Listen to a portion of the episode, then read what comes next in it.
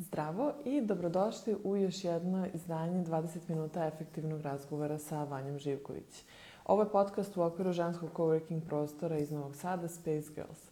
Cilj nam je da ofremimo zdravu žensku zajednicu i pružimo vam potrebne informacije i edukacije za vođenje modernog biznisa. Ovaj live, kao i svaki do sada, podržala je Artificial Intelligence kompanija Rubik's Code, a više o njemu možete pogledati na njihovom sajtu rubikscode.net. Ovom prilikom mi im se zahvaljujemo. Moja današnja gošća je Sofija Knežević. Sofija je jedan od najboljih vokala današnjice. E, završila je Univerzitet za muziku i dramske umetnosti u Gracu, za koje je dobila punu stipendiju sa samo 16 godina. Dobitnica je mnogih nagrada i stipendija za svoja muzička dostignuća. Trenutno živi i radi u Njujorku, e, gde predaje e, kao profesor pevanja u Music School of New York City od 2012. godine. Pored svega toga izdala je i dve knjige, Evolucija glasa, umetnost disanja i umetnost raspevavanja. Ovo su samo neke kratke crtice o Sofiji, a ja ću se sada e, povezati sa njom i uh, ona će nam dodatno pri, ispričati um, sve zanimljivosti još mnogo više.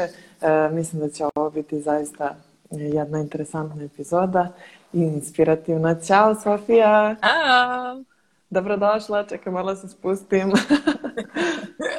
Hvala Dobro. ti, bolje te Dobrodošla. Koliko je sad sati kod tebe? Kod mene, je tamo se pomerio sat, tako da je kod mene jedan, oh. to je bilo 12, ali sada A, pa dobro, ja sam mislila da je ranije. e, hvala ti uh, na uh, tome što si današnja gošća. Uh, ja bih odmah krenula sa pitanja, pitanjima i to od početka nekako. Um, kako potičeš iz porodice umetnika, zanima me kako je izgledalo tvoje detinstvo, to neko izražavanje kreativnosti, kako se to podsticalo kad si bila mala i kako si se prepoznala baš u pevanju? A, pa ja sam, da, potičem iz umetničke porodice, tako da je nama bilo ovako dosta blisko da se izražavamo na različite umetničke načine, uključujući i slikanje, i pevanje, i sviranje različitih instrumenta, igranje, gluma i, i uh mhm. -huh. a, ostale vrste umetnosti, tako da je sve to bilo nama dosta dostupno. Bili smo dosta okruženi a, maminim i tatinim prijateljima koji su se bavili svi tim umetnostima, tako da smo imali i dobre uticaje sa strane što se toga tiče ali meni je nekako muzika uvek bila naj, najbliskija, da kažem. Mm -hmm i a, dosta sam voljela da slušam džez još od malene i nekako, iako nisam u, u nekom a, momentu odrastanja mislila da ću se baviti baš pevanjem ili baš džez pevanjem, mislila sam da ću biti a, pijanista i, i dirigent. Mm -hmm. To mi je bio neki cilj. A, I moje obrazovanje je išlo u tom smeru do srednje škole kada sam otkrila da postoji i džez Oce Kostanković i kada sam krenula i potpuno se zaljubila u džez pevanje i onda sam tako nekako a, nastavila, pošto sam shvatila da je to zapravo moja najveća ljubav. Mhm, -hmm, strava. Pa baš je lepo to tako kako ste bili okruženi, kako je umetnost uvek bila prisutna u vašem životu. To je onako redko, ako nisi iz umetničke porodice. Mislim, ja, na primjer, ceo život pevam sa tatom, on svira gitaru, on je samouk i tako to, ali to je neka vrsta onako hobija i to je to. A ovaj, tako je zanimljivo kada nekako gledaš dok odrastaš nekoga ko se ceo život bavi umetnošću, to mi je onako baš lepo. Da, to um, E, ti si vrlo rano otišla u inostranstvo da, škol, da se školuješ. E, kako je to bilo iskustvo za tebe? Ko, kako ti je to, ta promena pala i uh, generalno ako možeš malo više da nam ispričaš kako si došla do tog, do te mogućnosti da odeš da studiraš preko? Uh, kako sam krenula u tu srednju školu Stanković gde se pevao džez, uh, shvatila sam u nekom momentu da je to zapravo moje najveće ljubav i da ja zaista želim time da se bavim, da prosto ništa ne može da se meri sa tim. Uh -huh. A, I a, e, u tom momentu Gracija je bila Gracija je bio najbolja škola u Evropi, prosto nisam razmišljala dalje od Evrope, jer ja potičem iz velike porodice, nas je petoro uh -huh. dece, mami i tata imaju petoro dece, ja sam druga po redu. I u tom momentu je moj najmeđi brat imao oko dve i po tri godine, otprilike isto godina koliko je moj mali Maksim ima sada. I meni je zapravo bilo dosta teško i da, do, da odem u grad, a da ga ostavim, prosto mi svi jako vezani, nas pet da. jako vezani. I imala sam osjećaj kao da ću da propustim njegovo detinjstvo. Naravno, grad nije bio toliko daleko, ipak sam se odlučila da odem. A, I naravno vraćala sam se dosta često, što sada nije toliko moguće zbog tolike teritorijske, geografske razdaljine. Da. A, ali ja sam otišla tamo zapravo godinu dana ranije nego što je, pre nego što je trebalo, čisto da vidim kakav je mhm. prijem. Ali mi se desi da budem primljena i da budem prva na listi. I onda sam morala godinu da dana ranije?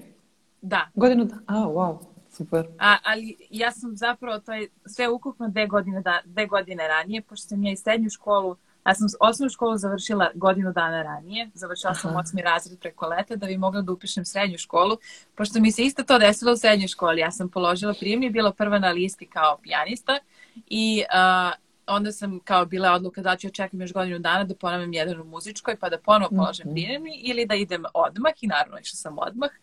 I to sam slično uradila i s srednjom školom. I uh, odlučila sam da ipak odem u grad, završila sam taj, uh, tu srednju školu, I uh, mislim da je sve, sve ukupno bilo dosta stresno. Ja sam sebi davala uvek, ja još kao mala sam davala, davala sebi te neke nemoguće cilje koji su na kraju bili mm -hmm. mogući, ali vrlo stresni. I mislim da kada da se radi o mom detetu, a, mislim da bih voljela da ipak moje dete popriča sa nekim profesionalcem o tome šta će to da predstavlja, a, taj mhm. korek odlaze, odlazak sam u svet, to je dosta teško, ja sam imala koliko 16 godina i moji roditelji nisu uspeli da dobiju vizu za Austriju, tako da sam ja morala sama da otputujem i wow. a, zapravo ja nisam imala čak ni, pošto je to se brzo i dešavalo, ja sam imala jako puno obaveza, ja nisam uspela da obezbedim sebi a, dom, da taj studentski dom gde bi ja bila spavala. Gde si živela? Bukvalno, ja sam bukvalno otišla i stigla sa dva ogromna kofera u Grac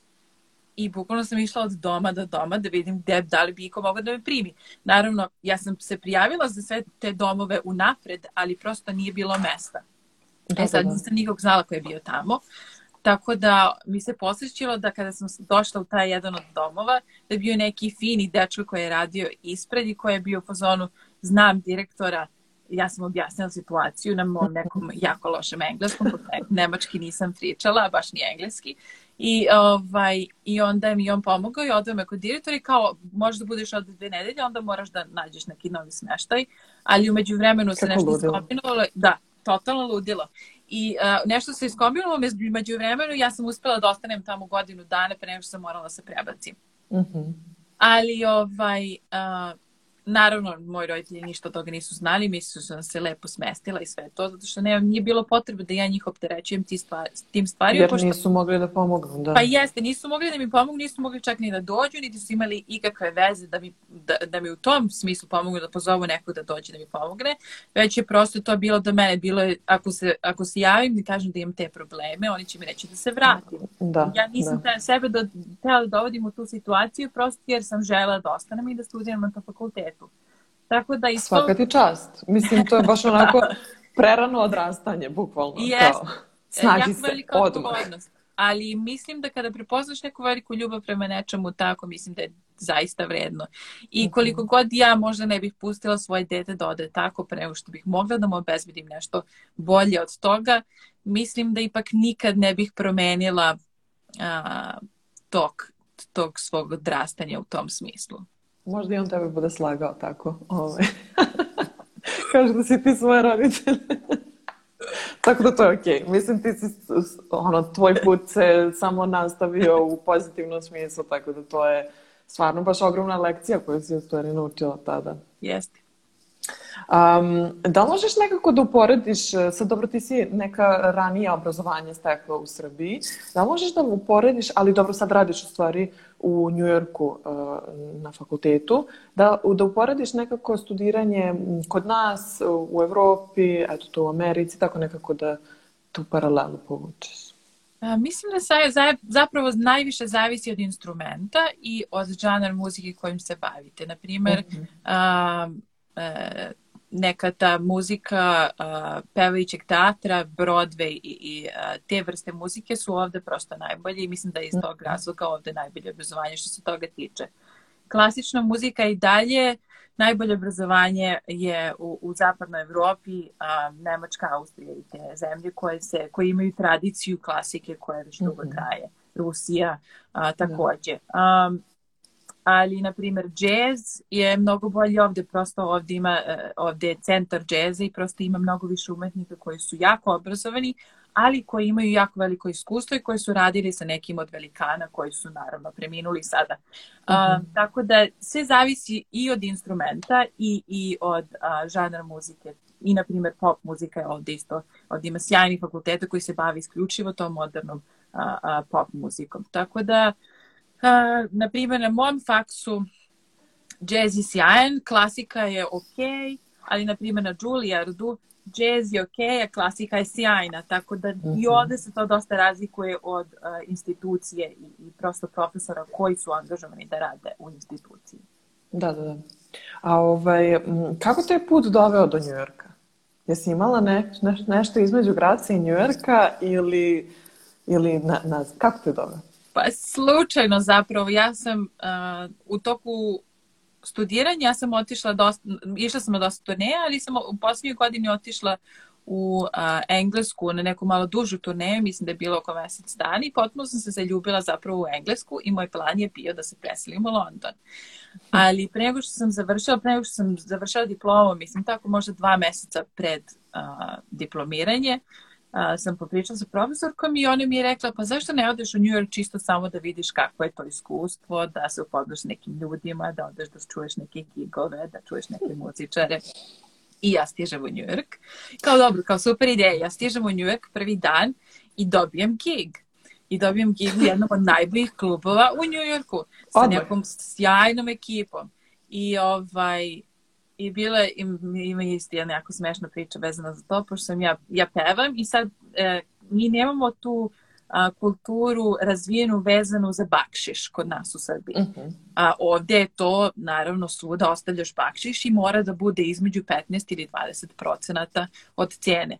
Ali da. se često daje a, tako kad odeš i kada neko, na primjer, svira sjajno, ti odeš i daš za ceo band, Znači nije ono mhm. kao harmoniku, kad harmonika svira omiljenu pesmu, nego Na čelo. Kao, nego postoji kao mesto da se to daje i oni tebi to daju i sad treba da podiš celom bendu. Naravno, ja nisam to znala i prilazi čovjek i daje 100 dolara.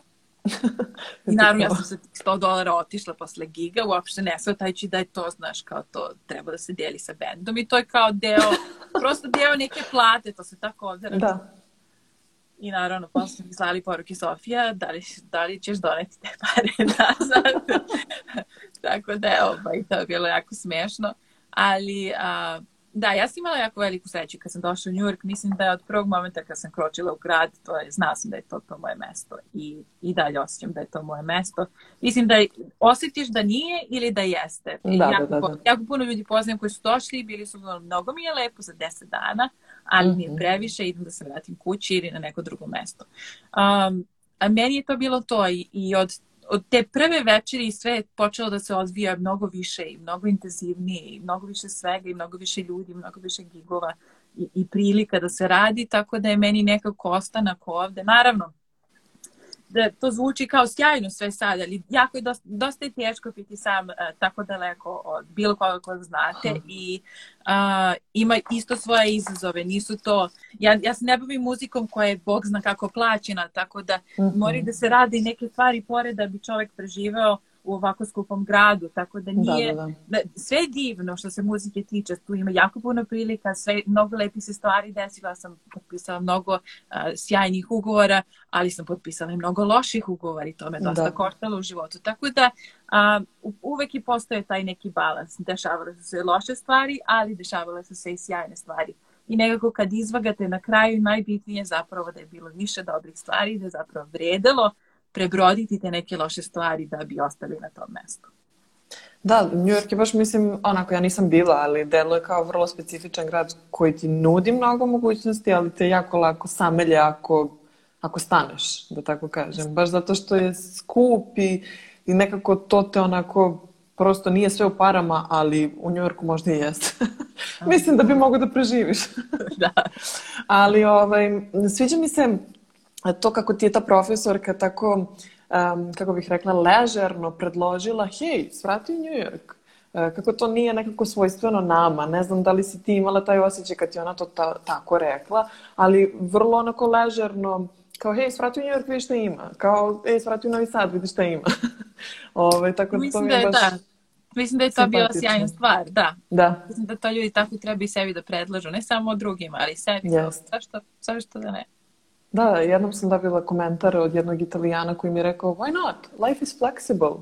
Ja sam zonu, da, mi ne gledamo tako na stvari, ali jeste.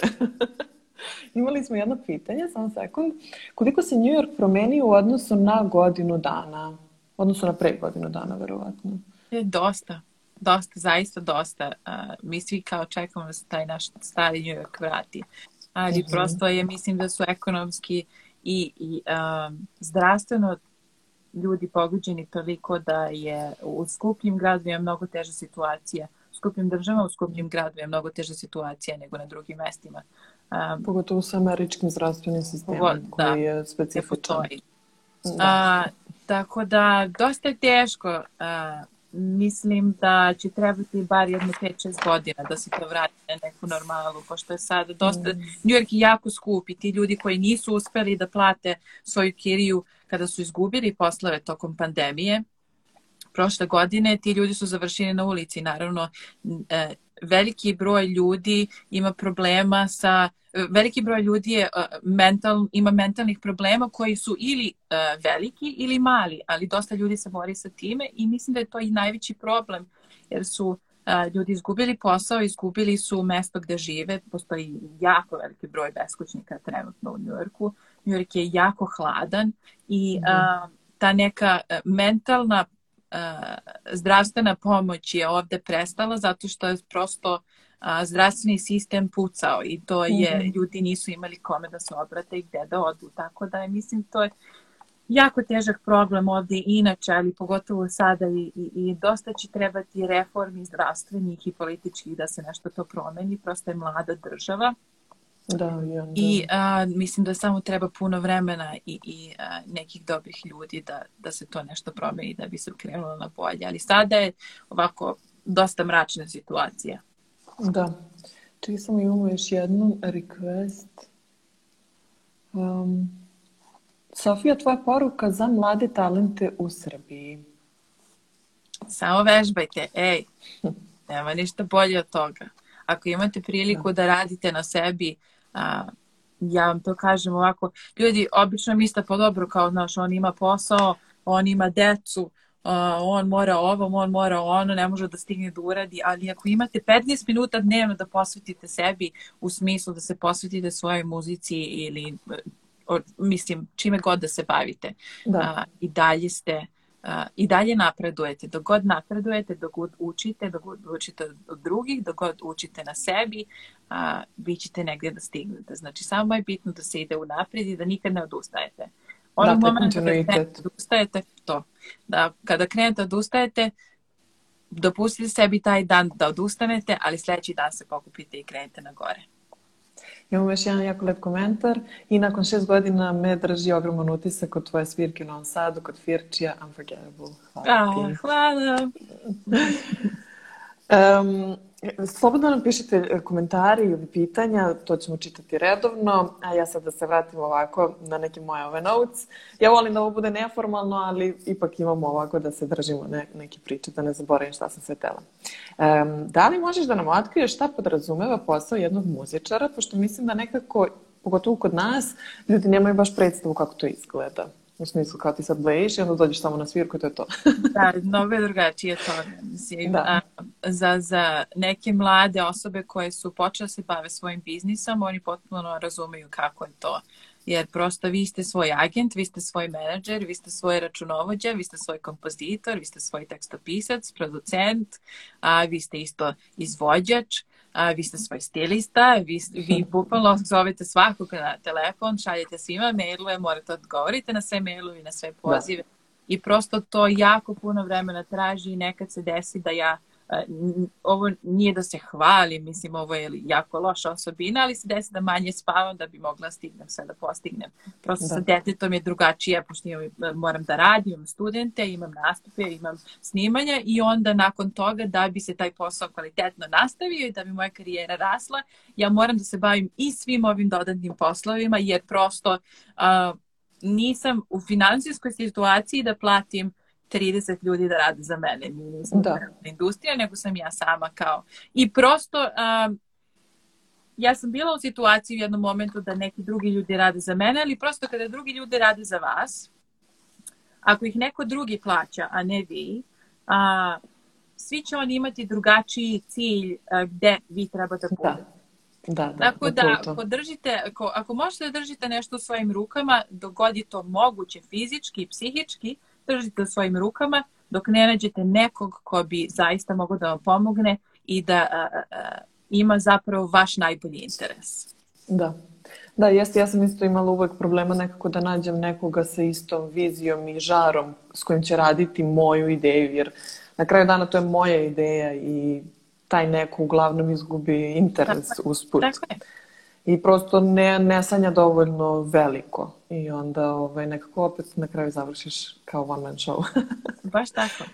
A ove, imam jedno pitanje isto vezano za majčinstvo. Um, kako je biti muzičar i mama? Koliko si morala nekako da žrtvuješ stvari ili nisi morala da žrtvuješ stvari u svojoj karijeri? Pa jesam, ali to je bilo više vezano za um, odnose, zapravo polne odnose u, u uh, muzičkoj industriji. Jer prosto uh mhm. -huh. vi kao pevačica uvek morate da budete a, postoji ta neka stigma da pevačica uvek mora da bude slobodna, da ne bude udata, da nema decu a, i prosto koliko god da to zvuči a, jako zapravo tužno i jako neverovatno u ovo doba, a, da. to i dalje postoji. I onda kako sam ja dobila dete, jako, jako je, e, mnogo manji broj je ljudi me zvao zapravo da nastupam sa njima i da nastupam a, u njihovim prostorima, jer prosto evo kad postaneš majka, svi sad misle da se ti odrekao karijere i prosto ta njihova prosto ta mogućnost, a, polna mogućnost da će ti vi možda da, da izađete s njima na večeru ili da će nešto da se desi, e, gubi se to i to je odmah 50% od a, vaše mogućnosti da nastupite. Ne mogu da verujem da je to toliko mladih. usko vezano. Da, da, da. da. da. Kao? Postoji gomila mladih slabodih mm -hmm. devojaka koje mogu da dođu na to mesto, koje možda nisu sjajni muzičari, ali ako postoji neka a, romantična a, veza da, da, da, da znaš. Moguće. Tako da je to Koliko je to strašno. Mislim, to sledeće strašno, pitanje, da. bukvalno sledeće je a, rodne predrasude u muzičkoj industriji, ali mislim, nisam očekivala zapravo baš toliko. Da, Mislim da će da se odnosi baš toliko na, tu, na taj um, kao neki romantični odnos sa da, da, pevačicama. Da, svi, svi imaju te, pogotovo pevačica. Pevačica je kao to je e, zvezda koju, sa kojom svi žele da budu. Tako da je to onako baš bez veze. I onda shvatiš posle i nekako i da ti dalje vodiš svoj posao, ti dalje guraš sebe kako možeš. Mislim, nije to... A, ali ti bude taj period kada to toliko drastično prestane, da. Jer onda shvatiš da zapravo neki ljudi koji su te zvali iz nekih razloga, možda nisu zvali iz tih razloga i onda a, da zapravo ne želiš da budeš s njima u tolikom kontaktu, ni da podržavaš njihove projekte jer prosto nema nikakvog smisla. Um, mm-hmm. ali uh, mislim da su tu imati decu je sjajno iz uh, mnogo različitih razloga. To je jedan od razloga, ali uh, postoji još nekoliko prosto se kristališe, va, vaši ciljevi se totalno iskristališu. Uh mhm. -huh. Vaša organizacija vremena je mnogo drugačija. Jer prosto imate samo mali broj a, minuta da se posvetite sebi, da se posvetite nečemu drugom, da bi se posvetili i detetu i nekim poslovima koji traže vašu pažnju. Tako da a, ima tu ih pozitivnih i negativnih uticaja. Naravno, kao za sve.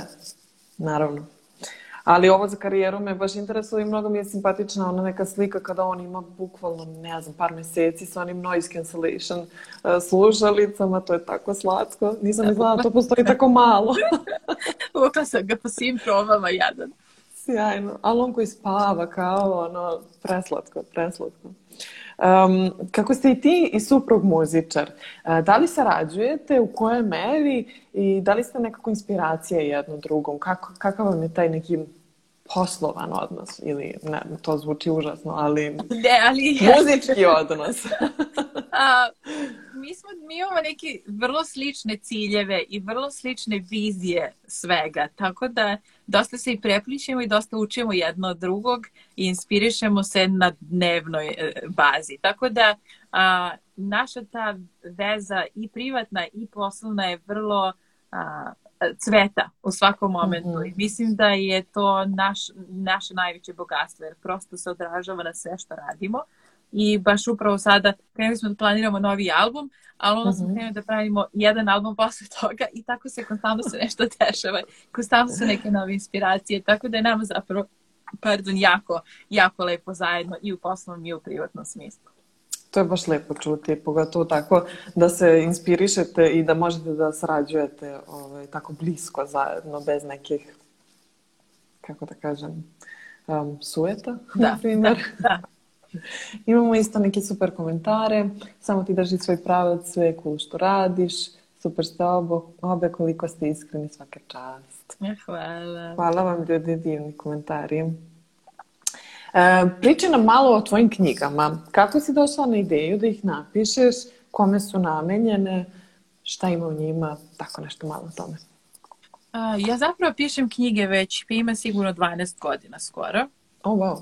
A, tako da sam, 8 godina sam radila to neko istraživanje gde sam ja zapravo sastavljala te vežbice i onda sam a, u toku trudnoće zapravo stigla da sednem i mm -hmm. da krenem da zapisujem prvu knjigu, da, da to jest da sastavljam sve zapise i istraživanja. Tako da je ta prva knjiga nastala u toku trudnoće, a, sastavljena a, i a, onda sam shvatila da ne može da stane sve u jednu knjigu i da prosto treba da bi ljudi mogli da se posvete određenim stvarima, da mora da ih bude tri ili četiri.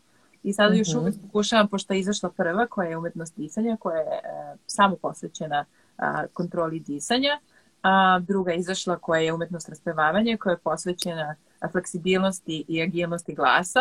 I a, sada pokušavam da vidim da li mogu da stavim sve u još jednu knjigu ili da li ću da podelim u sledeće dve koje će se direktno raditi a, o vežbama jezika i vežbama brade sa kojima mm -hmm. ljudi generalno imaju najviše problema.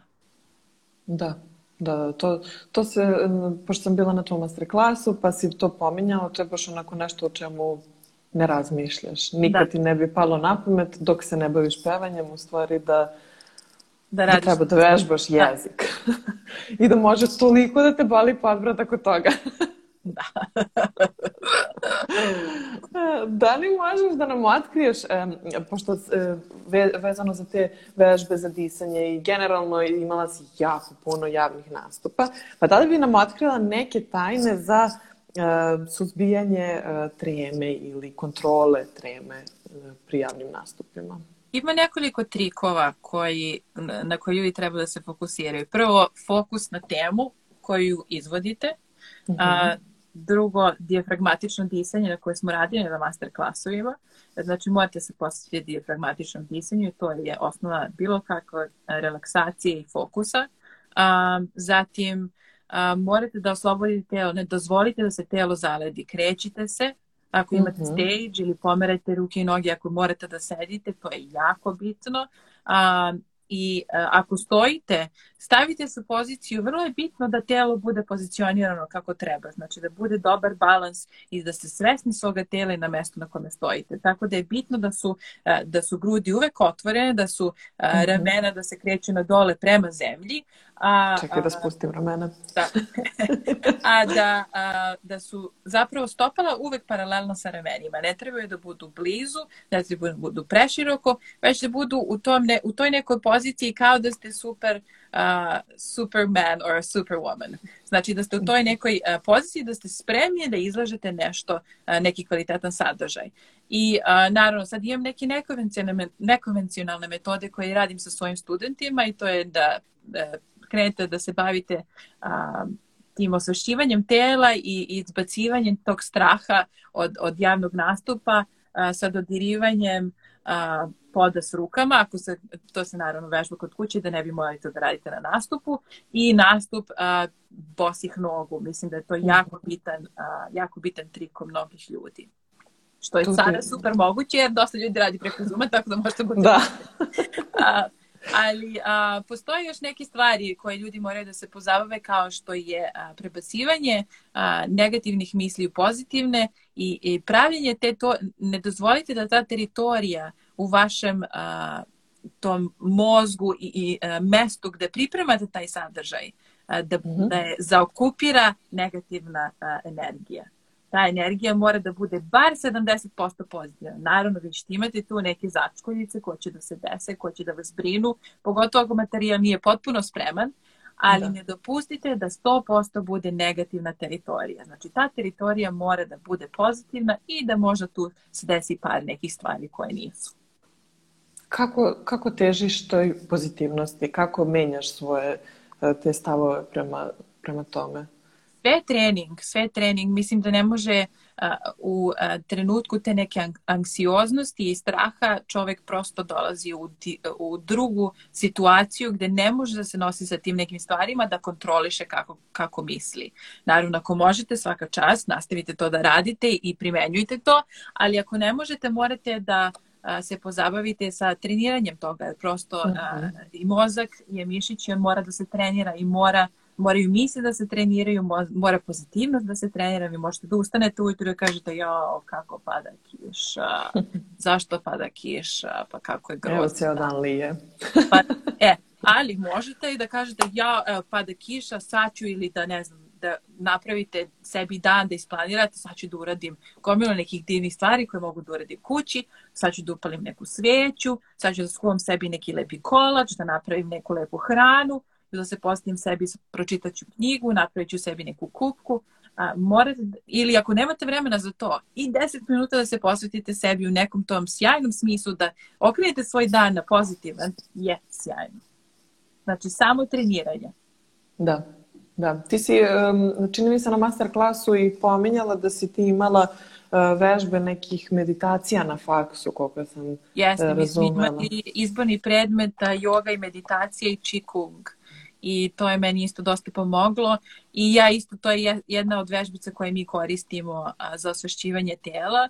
Prosto krećete sa malim delovima tela da osvestite, da osetite kako se opuštaju vrhovi prstiju, da osetite kako se opuštaju dlanovi, da osetite kako se opuštaju laktovi i onda krenete tako od jednog dela tela do drugog dela tela dok nek završite sa celim telom i onda ćete da vidite kako se osjećate nakon toga. I to je da. jako bitna vežba. Skeniranje e, tela. To je ovaj, kada radite neke vodeće meditacije, da tako kažem. Um, zanimljivo je kad kažu opustite uh, kapke. Kada shvatiš koliko da. su ti kapci stegnuti, to da. je jedno onako zastrašujuća činjenica. da. Ja. Jer nekako nikad nisi svestan svojih kapaka. Da. Upravo Zato što to. oni rade automatski posao koji tako mi podrazumevamo, samo uzimamo zdravo za gotovo. Um, e, htjela sam još da te pitam, vrlo smo efikasni, brze, mislim onako tap, tap, tap. Um, da li su časovi pevanja isključivo za pevače? E, profesionalne i amatorske naravno, ili mogu biti za kontrolu glasa, za javne nastupe i tako.